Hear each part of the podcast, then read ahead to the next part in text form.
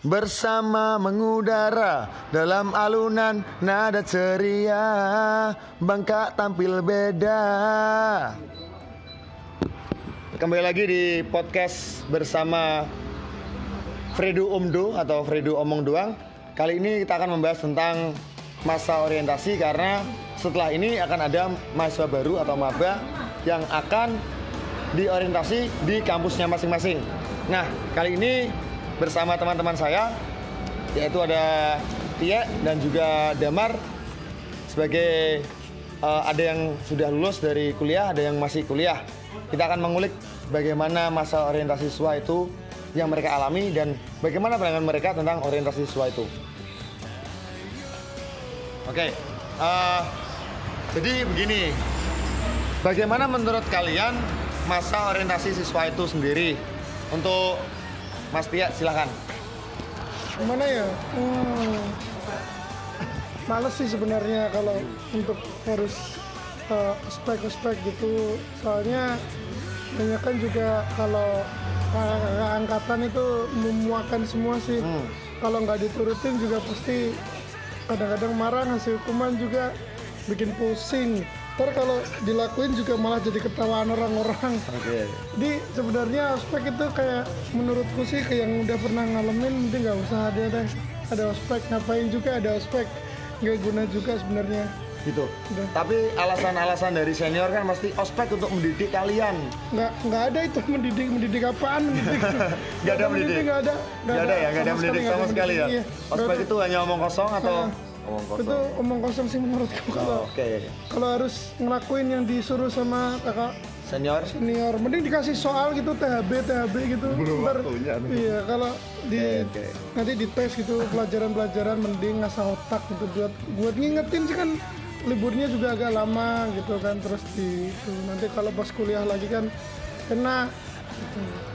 Oke, kalau Mas Damar bagaimana untuk bagaimana pendapat Anda sebagai mahasiswa yang sekarang masih di semester 6 semester 7 semester 7 bagaimana pendapat kamu tentang masa orientasi siswa eh, masa orientasi uh, mahasiswa baru terutama pada zaman anda dan pendapat anda bagaimana? Uh, ya sepakat sih sama Mas Tia tadi ya. Soalnya kalau di kampus saya hmm. di Malang ospeknya itu nggak nggak terlalu kepake banget sebenarnya ya. Cuma buang-buang anggaran aja sih. Terus malah kadang-kadang jatuh korban Iya banyak. Banyak ya. Udah, banyak. udah udah udah ada bukti bahwa jatuh korban kalau ospek. Iya. Tapi masalahnya anggarannya kan tiap tahun ada. Hmm. Terus kalau nggak diadain gimana? Oke. Okay. Apa perlu diganti dengan kegiatan lain atau gimana? Kan sekarang kan bukan namanya ospek kan nggak ada yang namanya bullying. Kalau di kampus saya juga di Malang, tapi berbeda dengan Mas Damar. Di kampus saya itu ospeknya itu cuma kita duduk di gedung terus diteramahin. Nah, itu ospek kampus tapi kalau udah masuk ospek jurusan kita udah di uh, apa namanya di bentak-bentak dan lain-lain. Ya sama sih sebenarnya. Ya kita tinggal apa ya harus ada satu generasi yang mau memutus rantai kebencian itu. Rantai balas dendam. Uh, rantai balas dendam. Karena itu kan bentuk dari perpeloncoan. Iya uh, harusnya gitu harusnya gitu sih ya. Jadi menurut kalian ospek itu hanya omong kosong. Nah iya. sebaiknya dibuat seperti apa ospek itu sendiri gimana Mas ya gimana ya? Ya lebih baik ospek itu kan memang gitu yang dikumpulin gitu terus ya diperkenalkan lah sama kampus kayak gimana. Ntar kan di di kayak tempat-tempatnya itu dikasih tahu gitu terus nanti uh, diperkenal ya pokoknya memperkenalkan tentang kampus lah biar nggak apa ya istilahnya daripada ntar di perpeloncoan terus nanti ada yang jatuh korban. Terus kalau mending kalau sampai di dia apa dimainin kayak boneka gitu terus dia dipermalukan mending dilawan sih walaupun tapi nggak hmm. usah pakai fisik yang penting nggak usah nggak usah aja. Kalau zaman sekarang sih kalau dilawan biasa gitu juga nggak akan berani kok main fisik. Paling kalau main fisik juga nanti ujung-ujungnya juga ke polisi lagi. Okay. udah nggak akan berani sih. Nah menurut pengalaman Mas Tia nih dulu waktu ospek di kuliah itu bagaimana? Pengalaman ospek Mas Tia? Gimana ya ya uh, ya ada senangnya. Senangnya kan sama teman-teman gitu hmm. kan kenalan gitu kenal kenalan terus tapi nanti uh, kalau udah yang disuruh-suruh itu yang paling malas gitu loh. Jadi suruh bawa, bawa pengennya, sesuatu. Ah, dulu aku suruh bawa apa ya? Aku lupa. Aku udah agak lama. Di- dikasih kode-kode. Nggak jelas kayak anak Ah, kecil. Iya kayak anak kecil itu suruh pakai topi kerucut kalau nggak salah aku lupa sih. agak ada Ya, kayak gitu. Dan ini males banget gitu loh. gitu ya. Pengalaman ospek pernah dibentakin sama senior, Mas Tia? Eh, pernah sih, pernah beberapa Pernah kali. ya? Udah, Berapa iya. kali ya? Kalau Mas Damar pengalaman ospek dulu. saya kebetulan waktu ospek universitas nggak ikut Oke. nggak ikut Samaan pernah ospek eh, dua kali kalau Dua salah. kali. Dua kali ya karena udah karena pindah jurusan. ya pindah-pindah saya kuliah Jadi Mas Damar ini pernah pindah kuliah dua kali tapi di kampus yang sama dan dia Iya. merasakan ospek berarti dua kali. dua kali Disiksa dua kali. tapi yang kedua nggak ikut dan nggak ada faedahnya Hmm. tetap lulus nilainya tetap sama Karena dulu di kampus saya ada doktrin bahwa kalau nggak ikut ospek, kamu nggak bisa eh, apa namanya nggak bisa yudisium. Yudisium itu kalau di kuliah itu apa ya namanya? Yudisium itu kayak kamu mendaftar ke- buat wisuda itu nggak bisa. Tapi setelah saya kemarin wisuda bisa dan apa namanya ada plakat-plakat piagam-piagam itu nggak guna. Jadi itu hanya kebohongan kampus sebetulnya. Atau gimana menurut anda itu gimana? Kalau di kampus kamu gimana, Mas? Gimana? kalau di angkatan saya sih nggak guna ya tapi nggak tahu kalau di angkatan bawah kayaknya ditegakin lagi aturannya soalnya di angkatan saya banyak yang nggak ikut mungkin jadi di angkatan bawah lebih diperketat Kalau dulu ospek diapain? Gundul? Gundul ya? Eh, enggak sih, enggak wajib sih. Oke. Cuma disuruh juga sama kayak Mas Tia, disuruh bawa barang-barang yang enggak berguna. Sampai tapi ada ospek jurusan juga. Ada, ada. Biasanya ospek ada. jurusan lebih kejam ya. Iya. Biasanya. Tapi tinggal jurusan masing-masing sih. Kalau fakultas fakultas dan jurusan saya sih nggak begitu terkenal ya, nggak kayak yang teknik atau apa. Jadi nggak aneh-aneh. Beda kalau jurusannya itu jurusan wah atau bonafit gitu Seperti- pasti ribet. Yang kayak jurusan teknik harus pakai nemtek selama satu semester. Iya harus Baju hitam putih. hitam putih. Terus kalau gitu. ketemu senior nunduk. Iya, kayak itu gitulah. menurut anda gimana? Itu malah membuat respect pada senior atau sebetulnya malah nantinya dia akan Iya nantinya dia bakal mengulangi, mengulangi hal hal, yang sama itu sih. sama ya. Itu bukan membuat respect senior ya sebetulnya Iya, malah membuat senior itu Dibenci, Dibenci malahan ya? Dimusuhin. Nah, Mas Tia ini karena Mas Tia ini eh, dulu kuliahnya di teknik, pernah nggak di kayak gitu? Hmm, enggak sih dulu tuh waktu uh, ospek itu kan aku inget tuh ya dulu suruh itu loh permen relaksa itu di strapless itunya sampai bikin kalung sampai jadi kalung jadi relaksa di strapless strapless sampai jadi lingkaran besar tuh Ya. dipakein kalung gitu udah gitu doang terus uh, kalau untuk yang hormat-hormat itu nggak ada sih Enggak ya? kalaupun ada juga nggak akan ada yang mau ngapain gitu loh Dulu waktu saya kuliah, Oh, maba. bentar, bentar. Bentar gimana gimana? Gak ada yang nyuruh Mas ya hormat wong dia angkatan pertama. Oh iya, angkat pertama dari dari kampus. Nah, terus yang ngospekin siapa, Mas? Kalau apa dosennya? Enggak, i- iya sih ya dosen tapi ada juga yang dari luar. Hmm. Sampai ada bantuan dari pernah disuruh di mana itu Kodim ya? Kodim oh, ya dari di Kodim. tentara. Jadi ah, ospeknya langsung sama Kodim gitu, disuruh ngapain ya ah, apa baris dilatih kayak baris juga ada terus ya gitu deh pokoknya di tempatnya Kodim gitu aku lupa dulu suruh ngapain gitu. Karena memang kalau di kampus-kampus yang basicnya teknik, eh, biasanya politeknik lah ya, itu kalau di Malang itu malah ditaruh di campnya tentara selama satu minggu. Teman saya satu kos itu kayak gitu. Mas Damar mesti tahu lah orangnya. Ya. Saya juga pernah gitu di jurusan yang dulu. Oh gitu. Di di vokasi mas ya, di Iya. vokasi kayak gitu ya. Biasanya kalau vokasi-vokasi lebih kejam, nggak tahu kenapa alasannya. Dulu waktu saya tuh eh, karena tadi terputus, eh, dulu itu waktu maba 2015 2015. itu di eh, peraturannya di kampus itu harus potong Satu senti. satu senti ya. Nah setelah saya potong, temen saya nggak ada yang potong, jadi saya malu sendiri itu gundul sendiri. Padahal nggak ada yang wajibkan di fakultas saya, tapi kalau di teknik memang harus. Terus itu aturan senti. dari mana kok? Nah itu kalau itu aturan dari kampus mas. Kalau di saya loh ya aturan dari kampus. Tapi teman-teman saya banyak yang masih gondrong. Tapi nggak apa-apa, nggak ada yang nggak ada yang marahin. Tapi kalau teknik memang kejam, sedikit kejam. Nah ini terus akhirnya ospek itu harus dibuat seperti apa? Menurut kalian? Eh, sebagai pendidikan hanya pendidikan moral kan katanya ada suatu peribahasa bilang bahwa kalau mau bermoral harus nggak punya mo- moral dulu. kalau mau di kalau mau jadi orang hukum atau orang yang taat hukum harus dihukum dulu. Nah, ada doktrin-doktrin seperti itu. Menurut gimana? Ospek itu mau dibawa ke mana? Dihapuskan atau apakah itu penting ospek? Kalau penting, bagaimana uh, tata caranya dan bagaimana prosesnya? Seharusnya bagaimana? Kalau penting, kalau dihapuskan, apa alasannya ospek ataukah tidak penting atau bagaimana? Nah, kalau menurut aku sih sebenarnya eh, penting penting juga sih, tapi janganlah dengan eh, istilahnya kayak menindas karena kalau Ya. menindas juga itu kan bukan malah menim- menumbuhkan rasa respect sama Senior. senior juga kan nanti malah yang ada itu pasti benci nggak ada yang namanya respect gitu loh kalau untuk hal yang kayak gitu. Terus kalau yang tadi yang kayak apa eh, yang orang kalau mau taat taat hukum harus dihukum dulu itu kan nggak nggak apa ya? Ya mungkin itu kan hanya diambil beberapa contoh aja sih. Tapi nggak nggak semua orang kalau yang taat hukum itu harus didu- dihukum juga gitu loh. Jadi kalau orang baik itu eh, memang kalau memang orangnya baik itu pasti juga bakal baik kok kalau untuk seterusnya juga. Jadi nggak perlu dia harus merasakan sesuatu yang jelek dulu untuk menjadi seorang yang baik gitu karena banyak banget orang yang baik cuman yang yang banyak dilihat memang orang yang jelek terus nanti kejelekannya itu dijadikan satu apa ya Suatu alasan? iya yang dipandang gitu loh jadi nanti orangnya cuman kelihatan Jeleknya jelek saja. aja gitu loh Nah, jadi setuju nggak ospek dihapuskan atau dirubah sistem ospek itu sendiri?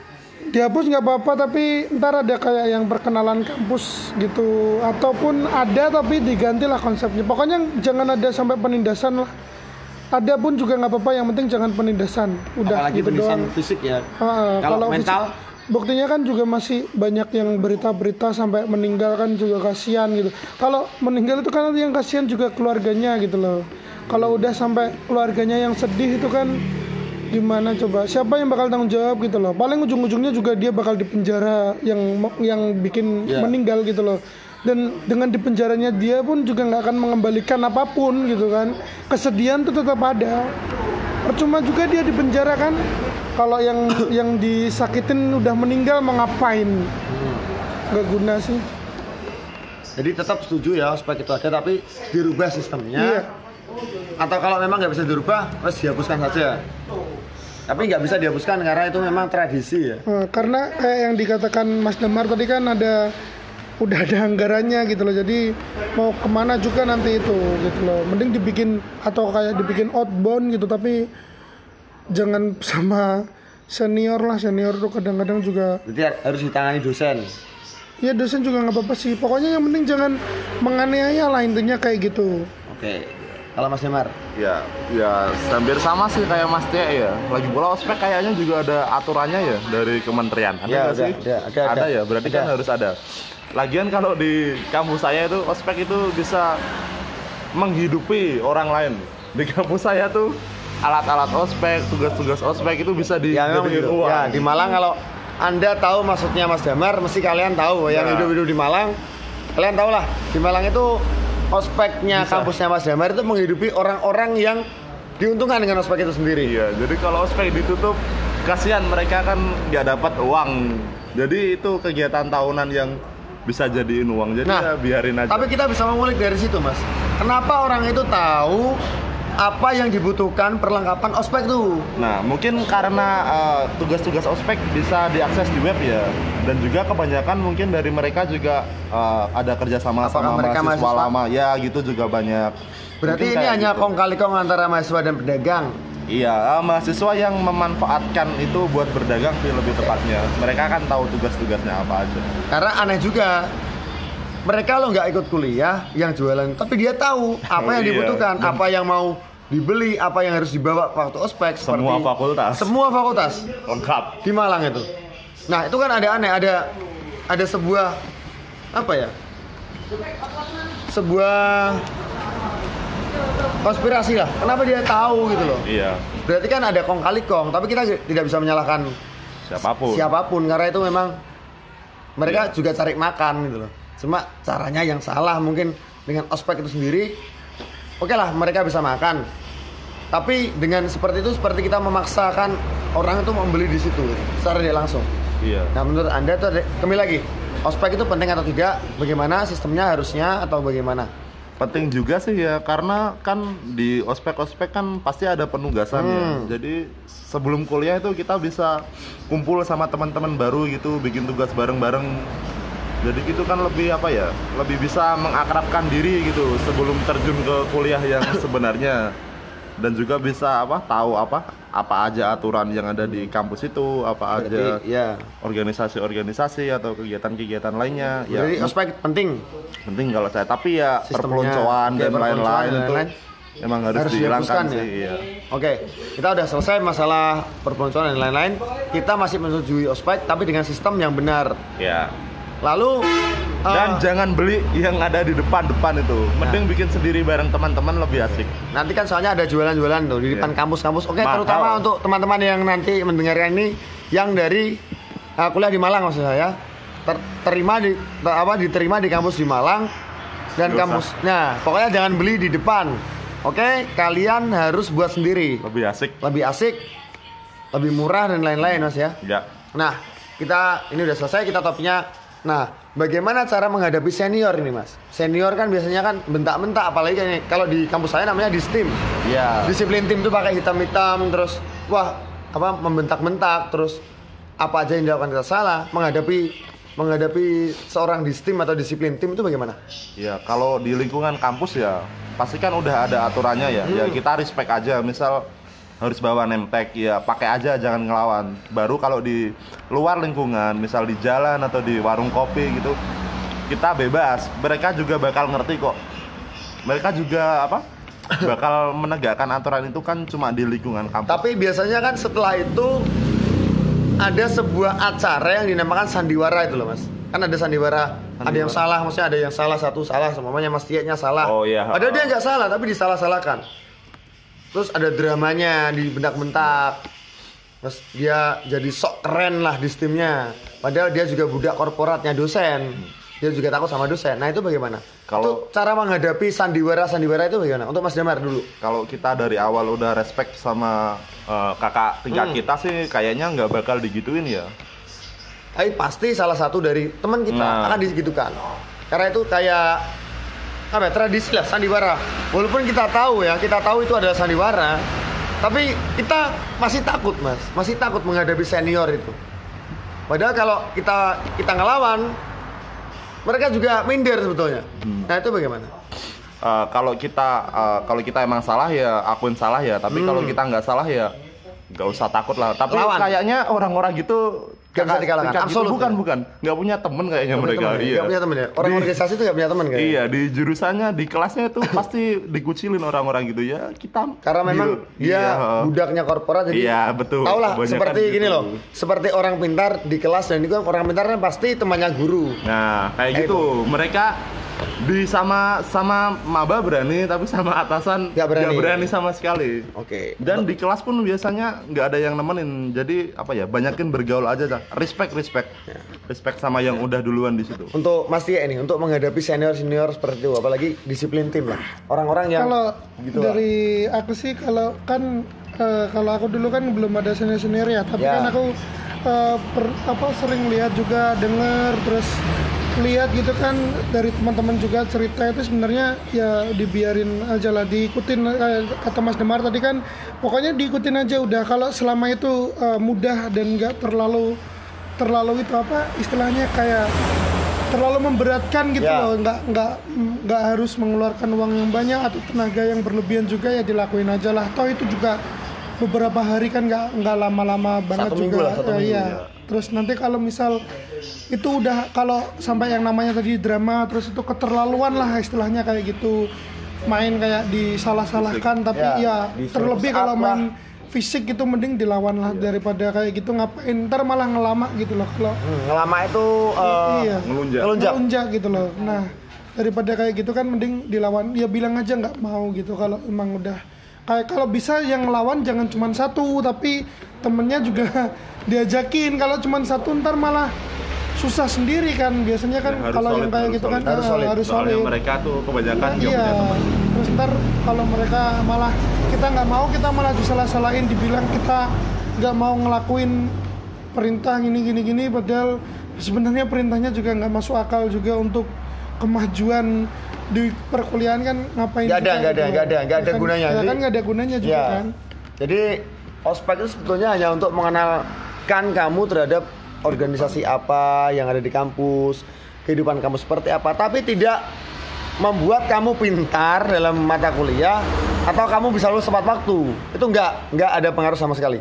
Bukan kita menolak kamu nggak ikut ospek setelah mendengarkan uh, podcast ini terus kamu wah setelah itu kita nggak nggak usah Oh iya, yang ospek. harus digaris bawahi, nggak ikut os, nggak ikut ospek itu bukan berarti kamu jadi keren. Bukan, bukan, bukan. Itu malah kamu menjadi bulan-bulanan warga kampus. Kamu nanti akan ditagi, ah, ditagih sama fakultas. Mas, kamu belum ikut ospek, ikut tahun depan. Nah, kamu bisa lari dari situ. Iya. Karena emang harus itu, harus. Walaupun piagamnya nanti nggak guna. Iya betul. Saya udah mengalami sendiri itu. Jadi saya dulu saya takut. Dulu saya tuh ospek masuk jam 7, saya jam 5 udah di kampus. Takut karena. Soalnya karena memang notabene Masih baru. masih baru nggak tahu kehidupan kampus. Teman-teman juga masih sama-sama mabanya. Jadi kita tahu. Nah tipsnya untuk menghadapi kak senior tadi dari katakan Mas Tie ya kita Mas Damar juga. Kita ikuti alurnya saja lah yang penting kita nggak salah kita nggak benar ya, kita benar. Kita respect. kita respect saja lah biarkan mereka lakukan apa yang mereka yang mereka mau. Yang penting jangan sampai kekerasan fisik ya betul mas ya seperti itu ya Iya. Lalu eh, masalah ospek lagi nih, masalah ospek itu kan perpeloncoan dan lain-lain.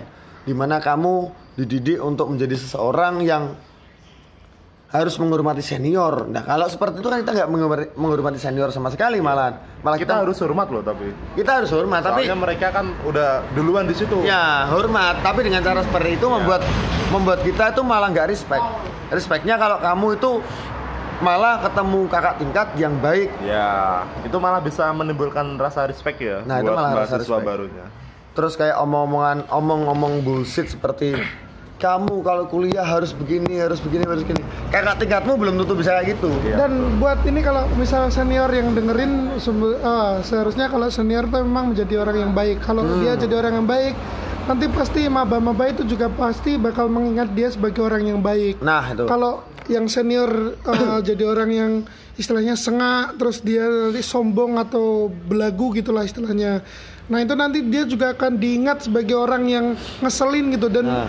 Kalau kalau anda di, di- diingat orang sebagai orang yang seperti itu itu nggak akan nggak akan enak juga untuk anda gitu loh. Nanti suatu saat kalau anda ketemu orang itu apa adik tingkat anda yang anda dulu anda istilahnya kayak anda per, anda apa ya anda kerjain gitulah eh, bahasanya. Nanti anda juga akan susah kalau misal anda butuh dia di ke depannya nanti gitu loh.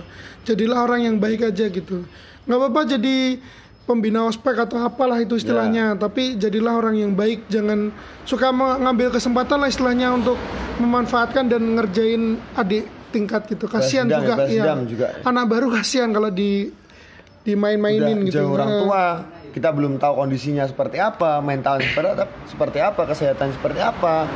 Dan dipaksa seperti itu membuat mahasiswa itu mentalnya malah down. Kuliah itu malah takut dia. Iya, betul, betul. udah mau kuliah udah giniin gitu, ya kan? Biar dia merasakan kehidupan sendiri tanpa diajari. Nah karena memang saya dulu juga setelah jadi maba terus jadi senior itu ngospekin anak-anak spiritus saya nggak tega. Karena dulu pengalaman pernah saya Mas Tia dan Mas Damar itu saya itu pernah di ospek itu sampai naik ke Gunung Arjuno sampai ke Pandermen kalau di Malang itu kemah.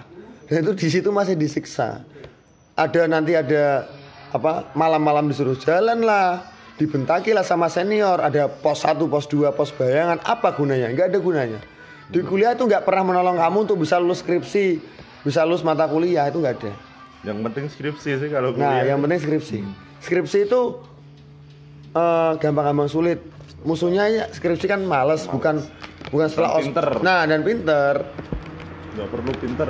Oh, nggak perlu pinter ya. Skripsi itu nggak perlu pinter. Kuliah itu Mas ya. Eh, kuliah itu ya, saudara-saudara di sini yang nantinya mendengarkan podcast ini, kuliah itu nggak perlu pinter. Yang penting lulus. Ah, jangan malas-malas aja deh. Jangan kuliah. males lah. Jangan Ya pokoknya masuk lah, Ya, masuk.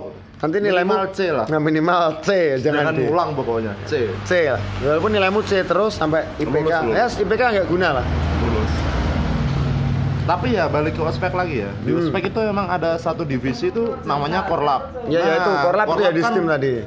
Emang SOP-nya dia tuh serem gitu. Nah, Jadi, jahat. ya, eh, Pakainya jadi- hitam-hitam. Nah, jadi ikutin aja udah nggak usah ngelawan. Dia dia jahat karena ada tuntutan untuk itu.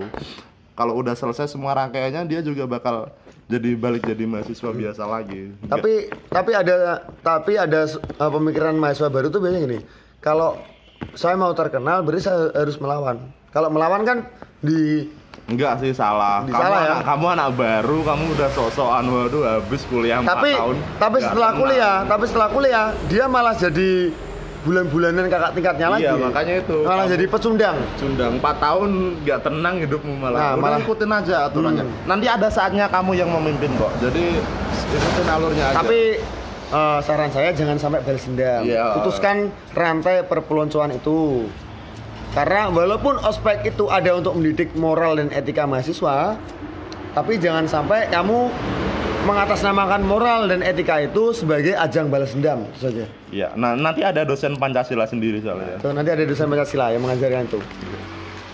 Ada lagi? Udah deh cukup aku. Ya, cukup. Oke. Buat kali ini. Untuk podcast kali ini Episode kita pertama. Episode pertama dari Fredo Umdu atau Fredo Omong Duang yang membahas tentang Masa masa orientasi siswa, masa orientasi mahasiswa baru maksudnya. Di mana intinya dari percakapan ini bahwa ospek itu penting dan harus dilakukan, tapi dengan meninggalkan kaidah-kaidah yang nggak bener. nggak benar ya perpeloncoan eh, kekerasan fisik kalau mental menurut saya masih nggak apa-apa mental ya. Ya. tapi untuk kekerasan disuruh push up dan lain-lain itu menurut saya salah dan nggak benar seharusnya dihapuskan. Lalu untuk membawa membawa barang-barang yang tidak berguna seperti kayak dikasih kode ah, Minuman inilah, minuman inilah makanan. makanan inilah makanan monyet. Apa itu makanan monyet? Mogi-mogi lah apalah. Terus kita harus cari dengan uh, notabene kita nggak tahu kondisi Malang Malang atau ya kota atau kota lain lah kita kan nggak tahu tuh akhirnya kita menyusahkan orang lain kita dibohongi orang lain kita dimanfaatkan orang lain nah itu pesan saya dari saya dan Mas Tia dan Mas Damar oke kita akan kembali lagi di podcast podcast berikutnya yang membahas tentang Hal-hal lain lah. lain yang up to date dengan kita. berhubungan dengan kita dan ya relate dengan kehidupan Ya. kalian juga. Oke, sampai bertemu lagi di podcast yang akan datang. Wassalam. Bangga. Bersama mengudara, Dalam alunan nada ceria. Bangka tampil beda.